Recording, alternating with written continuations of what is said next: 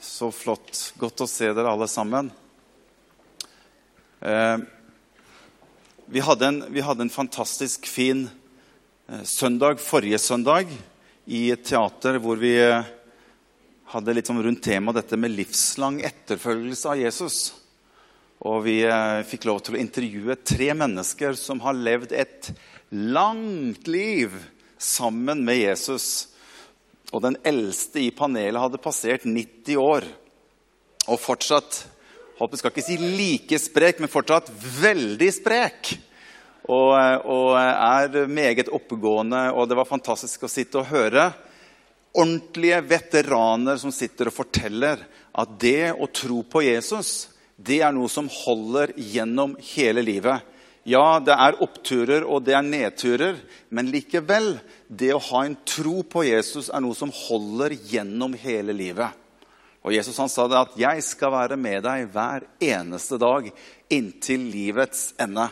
Og det å ha en sånn tro Og det er noe, noe av det som jeg hadde lyst til å dele litt med dere i formiddag. Hadde jeg også lyst til å dele litt med hvorfor jeg tror på Jesus. Eh, fordi at det var en som kom og spurte meg eh, for en stund tilbake. Og så sier han, 'Morten, tror du at du kommer til å være kristen hele livet?' Og når jeg svarte han, så svarte jo jeg liksom sånn utrett liksom fra leveren, som vi sier. Ja, selvfølgelig kommer jeg til å være kristen hele livet. Men spørsmålet det satte seg litt hos meg, og jeg hadde liksom behov for å, liksom, å tenke litt igjennom Morten, hvorfor tror du på Jesus? Hva er årsaken til at du tror på Jesus? Hva er fundamentet for din tro? Og Det har jeg litt lyst til å dele litt med dere i, i, formiddag. Og jeg har lyst til å gjøre det fra en litt annen side enn det jeg vanligvis pleier å gjøre.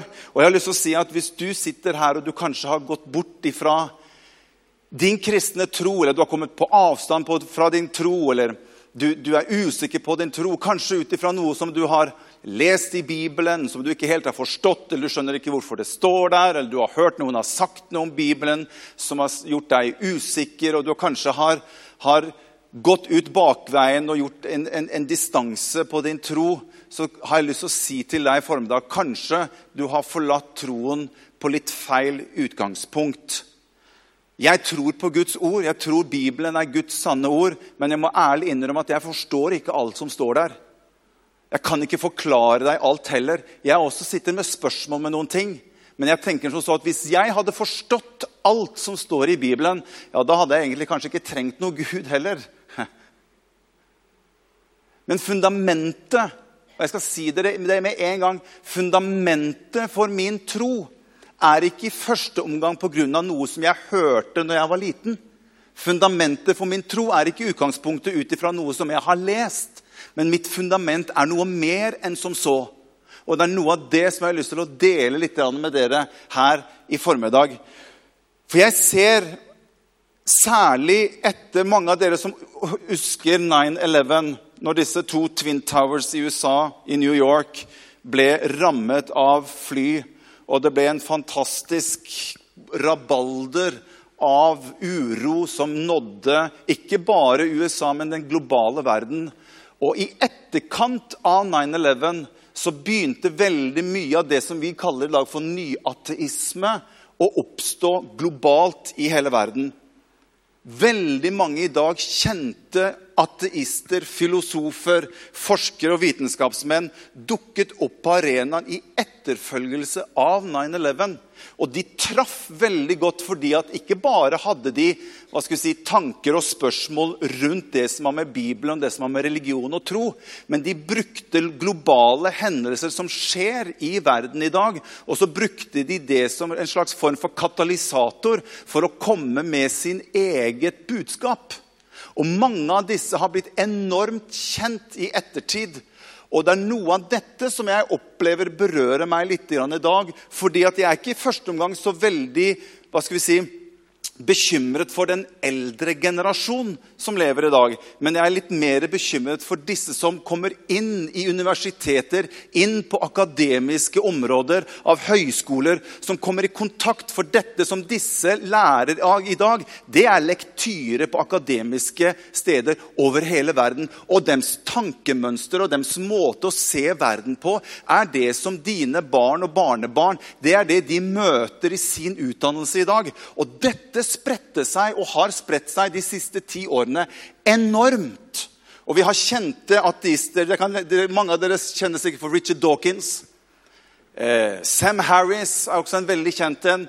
Eh, flere som jeg, som jeg kunne nevnt, som skrev bøker, og som begynte med Internett i tillegg, og traff internettbølgen for å spre sitt budskap. Og disse har solgt millioner av bøker, og disse har enormt mange etterfølgere. Og de kommer inn overalt med sitt budskap. Og det de tok etterkant av 9-11, det var at de sa at problemet i dag er ikke islam, men problemet er religion. Og ut, utfordringen som de sier, utfordringen i dag, det er at mye av ondskapen skjer ut ifra religion. Og mange av disse tingene kan vi faktisk være enig i også. Problemet er at her greier man ikke helt å skille, og dette blir på en måte tankemønsteret som påvirker hele det akademiske bildet av utdannelse over hele verden. Og jeg har bare lyst til å jeg, det Kanskje dere har lest noen av disse bøkene. Men jeg hadde bare lyst til å nevne noen utsagn ifra, ifra, disse. Dette her er en, et utsagn fra Richard Dawkins som han skrev i sin, i sin boken som heter God Delusion. Eh, som jeg bare har oversatt til norsk. Da sier han Det gamle testamentets Gud er uten tvil den mest ubehagelige karakter i all skrevet litteratur. Sjalu og stolt av det en stakkarslig, urettferdig, utilgivende kontrollfrik. Hevngjerrig, blodtørstig, etnisk utrydder. Og så han fortsetter og fortsetter og fortsetter. Det er bare utdrag fra boken hans. Sam Harris han skrev en bok for noen år siden som het 'Letter to a Christian Nation'. Og han skriver I den boken så sier han det er på høy tid at vi innrømmer at tro ikke er noe annet enn det religiøse mennesker gir hverandre for å fortsette å tro når all fornuft er borte. Det er jo godt sagt. Det var liksom godt oversatt til norsk syns jeg. Ja.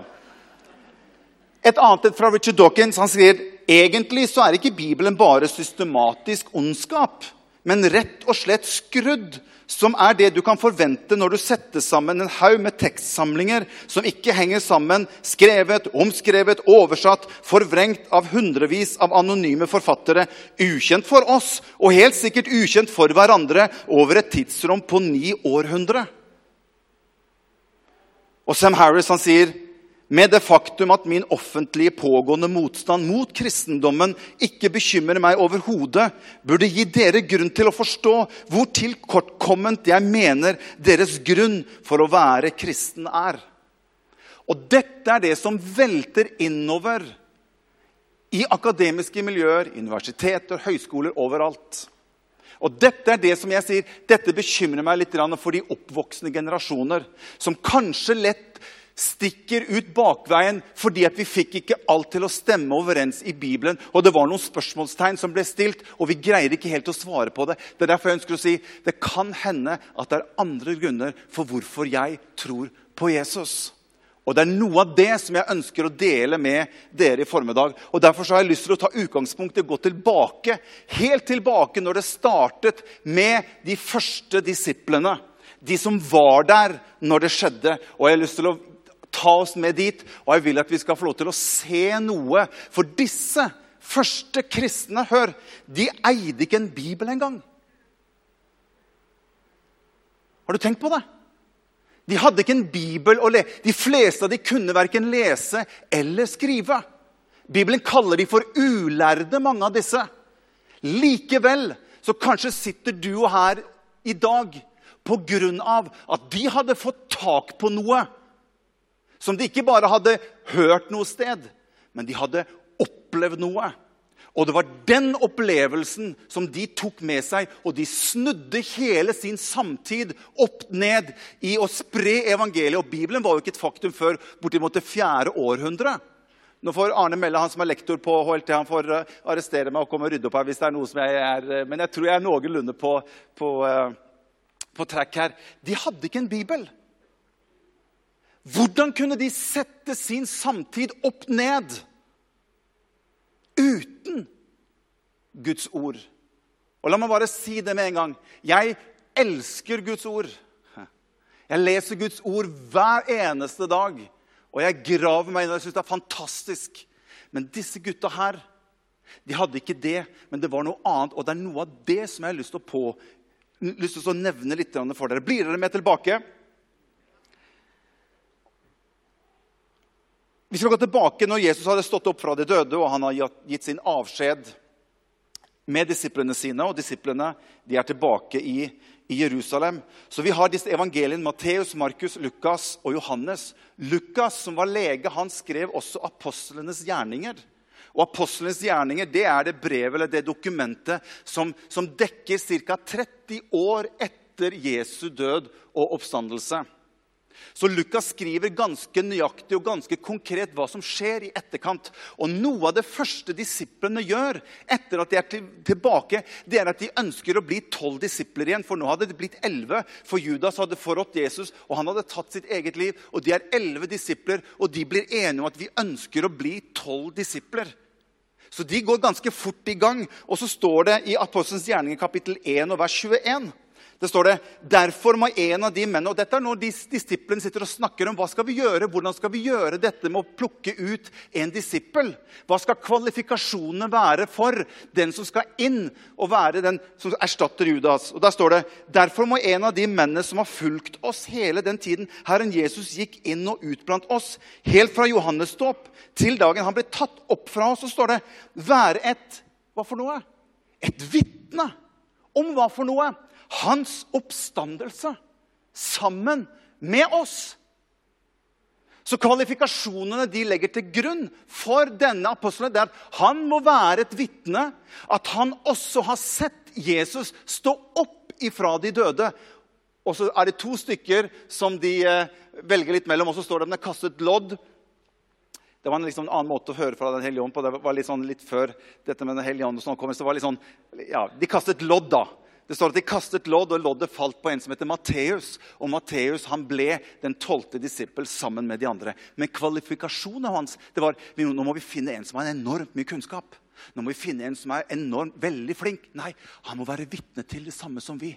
Som har sett Jesus dø, men stå opp igjen fra de døde. Det var viktig for dem at han var et vitne, et øyenvitne. Og etter dette så eskalerer det skikkelig. Syv uker etter dette så kommer pinse. Og mange av de menneskene som hadde vært i Jerusalem ved påske, er nå kommet tilbake i Jerusalem for å feire pinse. Dette var ikke syv år etterpå eller mange år senere. Dette er syv uker senere, så er det pinse. Og det står at disiplene de var samlet i Jerusalem. Nå var det ikke lenger tolv, men nå hadde det kommet til over 100 mennesker. Liksom i den litt interne sirkelen som trodde på Jesus. Og det står at de var på øvre sal, og det begynner å blåse en vind som kommer innover i Jerusalem på pinse pinsedag der. Og det står at den blåste, og det, det, står at det fylte det huset hvor disiplene var samlet. Og Bibelen sier at alle de som var i det huset, de ble fylt med Den hellige ånd på en fantastisk måte. Og det står i etterkant at de begynte å gå ut, og de begynte å forkynne for de menneskene som var på utsiden. Og så forteller Bibelen at de som sto og hørte på, det står at de hørte når de snakket på sitt eget språk. står det. Så de kom jo fra hele områdene rundt der. Kanskje mange kom fra andre steder hvor de hadde helt andre språk også. Og de hørte dem tale på sitt eget språk. Og Peter, han som hadde vært feigingen, han som hadde fornektet Jesus, og han som rømte når Jesus ble arrestert, han liksom begynner å nesten bli som, liksom, litt sånn leder av gjengen. Så han begynner å sette i gang og preke til Israel. Så de går jo ut av dette huset, og så begynner de å preke. Og Peter er på. Og hør hva Peter sier for noe. Dette er noe av det første disiplene forkynner for folket på utsiden. Og det er det jeg vil fram til. Hva var budskapet til de første kristne? Da sier Peter, israelittiske menn, hør disse ord. Nå er det ikke beskjeden lenger og fryktsom lenger. Jesus fra Nasaret, en mann utpekt for dere ved kraftige gjerninger, under og tegn som Gud gjorde ved ham, midt iblant dere, sier han. Ja, dere husker det, sier han. For folk begynte å tenke på Jesus, men var ikke han, var ikke han For de hadde jo vært der ved påske. Og de hadde jo skjønt at han ble jo korsfestet. Men hva har skjedd i mellomtiden her? Er det noe vi har gått glipp av? Og Peter han går Jeg vet ikke om jeg hadde begynt en sånn tale på en måte å liksom, gå litt sånn anklagende rett i strupen på de som skal liksom høre når du skal preke. Men han er vet på, midt iblant dere, slik dere selv også vet etter at han var blitt overgitt etter Guds fastsatte rådslutning og forut, forutviten, tok dere han ved lovløse hender, og dere korsfestet, og dere drepte han. Ja, Dere husker det, alle sammen. Og de ble jo litt sånn Ja, vi, nå husker vi jo hva som har skjedd. Og så sier Peter, men Gud reiste han opp. Det har skjedd noe her siden sist dere var her ved påske. Gud reiste ham opp og løste ham fra dødens rier. Døden var ikke sterk nok til å holde han fast. Og så sier Peter, denne Jesus har Gud reist opp. Og så sier han, det er vi, vi som er her, her, det er vi vitner om. Ser du budskapet til de første kristne? Vi har sett han stå opp ifra de døde. Det er vi vitner om, sier Peter. Og Det stikker dem i hjertet. og Den, den, den dagen her så tar 3000 mennesker imot Jesus. Og så er det neste store som skjer. Jeg vet ikke hvor mange dager etterpå det. Men dette her raser jo utover. Alt dette her står i Apostlenes gjerning. Så dere kan lese dette når dere kommer hjem òg. Peter og Johannes de er på vei opp til tempelet til bønns time. Og ved tempelet så ligger det en lam mann. Og den lamme mannen han hadde vært lam fra fødsel av. Og man regner med at han er ca. 40 år når Peter og Johannes møter han. Og De visste helt sikkert også hvem han var. De hadde sikkert sett han mange ganger. Alle som var i tempelet, visste hvem denne lamme mannen var. Men denne gangen så går ikke bare Peter og Johannes forbi, men Peter går bort til ham. Og Så bøyer han seg ned ved denne mannen og så sier han, vet du hva? Sølv og gull det har jeg ikke så veldig mye av. Men vi har fått tak på noe. Vi har vært vitne til noe som er veldig bra. Det vil jeg gi deg. Og så står det at Peter tok denne mannen i hånden og så begynte han å reise han opp. og så står det at Han fikk straks styrke i begge føttene sine. Og han ble helbredet der og da. Og det som skjer, det blir jo oppstand. Du kan tenke deg, det blir jo oppstandelse rundt omkring. Og det som Peter og Johannes gjør, istedenfor liksom du vet hva, Nå tror jeg vi skal trekke oss litt unna her, for nå kommer det til å bli bråk. De vet hva de gjør. Han, han løper inn på tempelplassen. Det farligste stedet hvor disse kunne være med det som nå skjer. Inn på tempelplassen løper denne, denne jeg, tidligere lamme mannen. Og det står han priste Gud. står det. Og alle kunne se at han er jo frisk. Han løper jo her iblant oss. Alle kjente han. Og Dette skaper oppstandelse, og folk begynner å flokke seg sammen for å være med og se hva i all verden er det som skjer her. Og Peter han ser jo sin mulighet til på nytt igjen å preike litt. Han er taletrengt, han Peter, og han har så mye på innsiden. Så han setter i gang og så sier han, 'Israelitter, hvorfor er dere så forundret over dette?' Og så går han på igjen. 'Dere utleverte han og fornektet ham for Pilatus.' Som hadde besluttet å gi ham fri. Ja, dere dere husker jo det. Dere fornektet den hellige og rettferdige og ba om å få løslatt en morder. Ja, Dere var her alle sammen. Noen av dere begynte Pilatus hadde tenkt å gi han fri, men dere begynte å rope 'Sett Barrabas fri'. Vi vil heller ha han andre til å gå fri. Dere var her selv. Og så sier Peter, 'Men dere drepte livets opphavsmann'. Og så kommer han til poenget. Han som Gud reiste opp fra de døde. Det er vi vitner om. På nytt igjen så trekker han det fram. Vi er vitner om det som har skjedd. Jeg syns det er fantastisk. Hva er budskapet? Er det noe de har lest eller lært? Hva er budskapet til de første kristne? Vi er vitner om at han som var død, han lever. Det var vitnesbyrdet deres. Det var det de hadde opplevd. De hadde sett Jesus. Og her er mitt spørsmål til deg. Om du er en kristen, hva er fundamentet for din tro? Hvis Peter hadde vært der, så kanskje han hadde sagt til dere men selvfølgelig, det er oppstandelsen. Vi så han jo. Vi så han stå opp ifra de døde. Ok, Så de er på tempelplassen. Peter preker, og dette skaper rabalder. Og så står det videre mens de ennå talte til folket, ble de overrasket av prestene. Sjefen for tempelvakten og sadukeerne, som var opprørt over at de underviste folket og forkynte hva for noe? Hva forkynte de for noe? Oppstandelsen fra de døde ved Jesus. Så de pågrep dem og satte dem i fengsel til dagen etter, for det var allerede blitt sent. Så Peter og Johannes de ble satt i fengsel. Og Neste dag så kommer Peter og Johannes i forhør hør, foran selveste den gruppen som var med og fikk Jesus korsfestet. Det de nå blir stilt foran, det er det samme som du og jeg. Vi skulle bli satt foran Høyesterett og storting og regjering og alt sammen aleine liksom foran den. Det er makteliten som Peter og Johannes nå blir stelt framfor. Og Kaifas, som er ypperstepresten, han som var selve nøkkelen i å få Jesus korsfestet, han er også til stede. Henger dere med? Er dere her? Bra.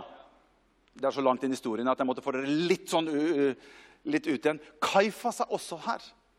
Og Peter Johannes står der. Og jeg vet ikke hvordan jeg hadde følt. Det var bare noen uker siden så ble vår mester, vår rabbi, vår lærer, han blei ble tatt her. Han ble korsfestet. Og nå står vi her foran den samme gjengen. Og det hadde vært i fengsel hele natten. Det som er en utfordring for den gjengen som sitter der, det er at den, den lamme mannen som hadde blitt frisk, han stiller opp i rettssaken. Så når Kaifas ser han komme inn, da liksom Å, å, oi. Ja, den er verre å gå med rundt. Den er ikke så enkel. Så Peter han stiller seg fram, og du skulle tro at Peter egentlig burde kastet seg ned på bakken og si Sorry, sorry, vi, vi, vi overgir oss. Vi, vi, kan ikke holde på med dette. Men Peter han steller seg fram. Og så, og så, er han litt, Jeg vet ikke om han kanskje er den som er minst, minst lærd blant dem alle som er der. Tenk deg situasjonen. Peter, liksom. Jeg vet ikke om han kunne lese det som sto rundt omkring der heller. Og så sier Peter, rådsherrer og eldste i folket er det ikke, er det ikke Peter? Jaså, det var Peter, han eh, fiskeren. Når vi i dag blir forhørt pga. en velgjerning mot en syk mann og blir spurt om hvordan han har blitt helbredet Og så er det liksom som Peter liksom sier til han, der, han lamme mannen 'Andreas, kom hit.' 'Ja, kom hit, Andreas. Kom her.' Og så står denne lamme mannen som hadde vært lam før, står nå sammen med, liksom, med, Peter. Og så sier han liksom Så skal dere alle og hele Israels folk vite dette. Når denne mannen Han har vært lam siden han var født. Når denne mannen står frisk foran dere, er det ved navnet til Jesus Kristus. Nazareren, han som Jeg vet ikke om jeg har nevnt det før. Han som dere korsfestet, men som Gud har reist opp ifra de døde at denne mannen står her frisk foran dere. Og det står at da de så hvor frimodige Peter og Johannes var, og forsto at de var ulærde menn fra folket, undret de seg. De visste at de hadde vært sammen med Jesus. Og da de så mannen som var helbredet, stå der sammen med dem, så kunne de ikke si imot. Og jeg spør, hva er det som gjorde disse så uredde? Hva er det som gjør at vi ofte så trekker vi oss tilbake? Og vil nesten ikke snakke om noe som har med Gud og Jesus og noe i det hele tatt. Og frykten den tar oss så fort. Og disse står der midt foran, og de vet at de ligger tynt an. Og så sier de men vi er vitner om for vi har sett noe og vi har opplevd noe som går ut over det å være fryktsom og det å være redd. Vi har opplevd Jesus i livene våre, og det ønsker vi å dele med dere.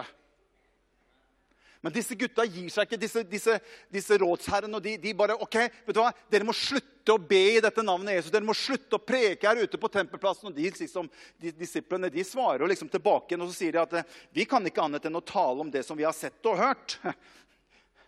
Det som vi har sett og hørt.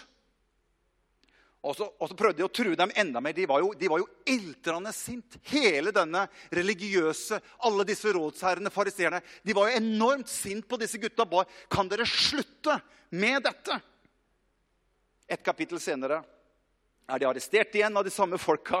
Men neste dag er de ute igjen og tilbake på tempelplassen. Og disse gutta begynner å samle store folkemengder. Og de begynner å få såpass innpass blant folket sånn at soldatene og vakttjenesten de begynner å få litt vanskeligheter. For de skal egentlig til en rettssak. Så de kommer bort til Peter og sier eh, unnskyld, men dere skulle egentlig vært i en en, en rettssak nå. Den, de, de, venter på dere. Så det vært, kan dere være så, For de var litt redde for folket. Kan dere være så snill å bli med oss til, til ja, til deres rettssak. Og Peter og Johannes ja, men det kan vi gjerne. Det går bra. Vi blir med deg. Og inn igjen til samme gjeng som står der. Og det står, Men Peter og de andre apostlene svarte og sa, vi skal lyde Gud mer enn mennesker. Våre fedres Gud oppreiste Jesus, han som, ja, har jeg nevnt det før for dere, som dere drepte ved å henge ham på et tre. Og vi er hans vitner om alt dette som har hendt. Og de vet ikke hva de skal gjøre. Og Gamaliel, en av de litt gamle, litt de eldste av disse rådsherrene, han kommer inn i bildet så sier han det at vet du hva? La dem bare være. Dette kommer bare til å ebbe ut. Bare la det gå litt tid. Vi har sett sånne småting som skjer tidligere. Og det bare ebber ut etter hvert. La de bare gå. Så de hørte litt på Gamaliel, men det står at de tok inn alle disiplene og fikk alle sammen pisket. Og når de blir pisket når de gikk ifra det møtet med rådet, så står det og de gledet seg over å bli regnet verdige til å lide vanære for hans navns skyld. Og Lukas som skriver dette, her, han kan ikke bruke all denne tiden. så Han, liksom, han, han øker farten i historien. Dag etter dag etter dag, både i tempelet Hvorfor må dere være på tempelet? Kan dere ikke gå liksom tilbake til Galilea eller et annet sted? Hvorfor må dere være liksom der hvor det liksom, som vi skal være? Dag etter dag både i tempelet og i hjemmene holdt de ikke opp med å lære og forkynne Jesus som Kristus. Hæ? Fantastisk. Jeg kjenner at jeg trenger noe av det gutset som noen av disse gutta her hadde på innsiden. Disse folka, det var starten på hvorfor du og jeg er her i dag. De hadde ikke Bibelen som vi har den i dag, men de hadde opplevd noe som gjorde at de var fryktløse, frimodige, sterke, utholdt forfølgelse, spott osv. For de kunne si 'Han var død, men se, han lever'. Og vi har sett han, og vi har opplevd han. Så jeg tenkte på litt hva hadde Peter sagt hvis vi hadde laget en panelsamtale med Peter og Sam Harris og Richard Dawkins, og så disse gutta At de kunne sitte seg sammen og så prate. Hva hadde Peter sagt til dem? Jeg har bare skrevet ned noen ting som jeg kanskje tenker at Peter hadde sagt. Han kunne sagt noe sånt som dette. Det er egentlig ingenting av det dere har kommet med, som, som har påvirket meg å tro på Jesus. Sam, du snakker om dette med at all fornuft er borte. La meg forklare deg grunnen til at jeg følger Jesus, som går utover all sunn fornuft. Da Jesus ble arrestert, så rømte jeg av gårde. Og Da noen spurte meg om jeg kjente Jesus, så løy jeg, og jeg bannet på at jeg ikke kjente Jesus. Og Da han ble korsfestet av romerne, så døde han. Og så skal jeg være ærlig med dere, så hadde jeg ikke mye tro akkurat da.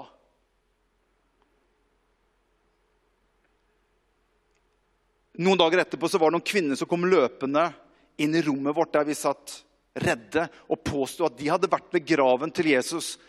Og de sa at den var tom. Og Maria Magdalena hun mente at hun hadde sett Jesus i live. For å være ærlig så kjøpte jeg ikke den helt. kan du se. Jeg vet ikke om noen av dere har vært til stede ved en korsfestelse. Nei, det har dere ikke, men jeg har vært til stede ved korsfestelse. Og hør, ingen overlever en korsfestelse. Og vi gikk ned til graven, vi også.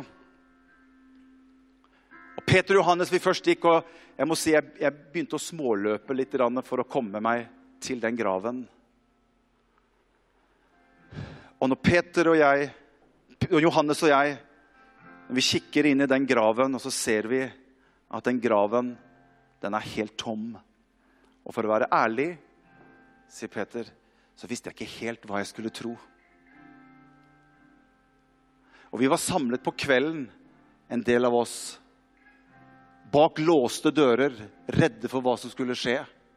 Og vi visste ikke helt hvordan vi skulle forholde oss til dette her. Og når vi er sammen der, så plutselig så bare står han midt iblant oss. Jeg visste ikke hva jeg skulle tro, men jeg ser han, og han står der midt iblant oss. Og Thomas han har jo vært litt mer, tatt litt lengre tid for han skal tro, så han, han fikk til og med gå bort til Jesus, og han tok i sårene hans fra korsfestelsen. Og Jesus var der sammen med oss i rommet.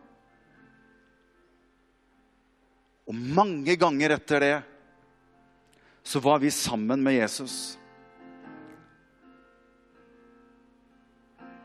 Dere, Jeg trenger ikke å ha et godt nok svar på alle de anklagene dere kommer med.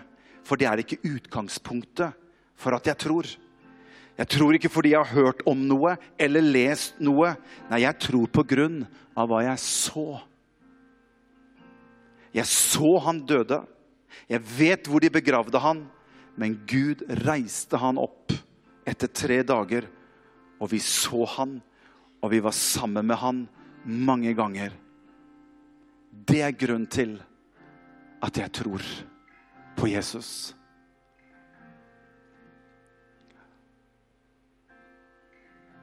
Jeg har lyst til å si det samme. Det er ikke alt jeg forstår. Du kan til og med ta Bibelen fra meg.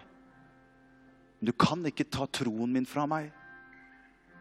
Fordi jeg har opplevd Jesus i mitt liv. Jeg har erfart Jesus som en virkelighet i mitt liv. Og derfor tror jeg på Jesus. Og når jeg leser i Guds ord, så kjenner jeg at det samsvarer med noe som jeg opplever i mitt liv. Det er en erfaring som jeg har gjort. Derfor tror jeg på Jesus.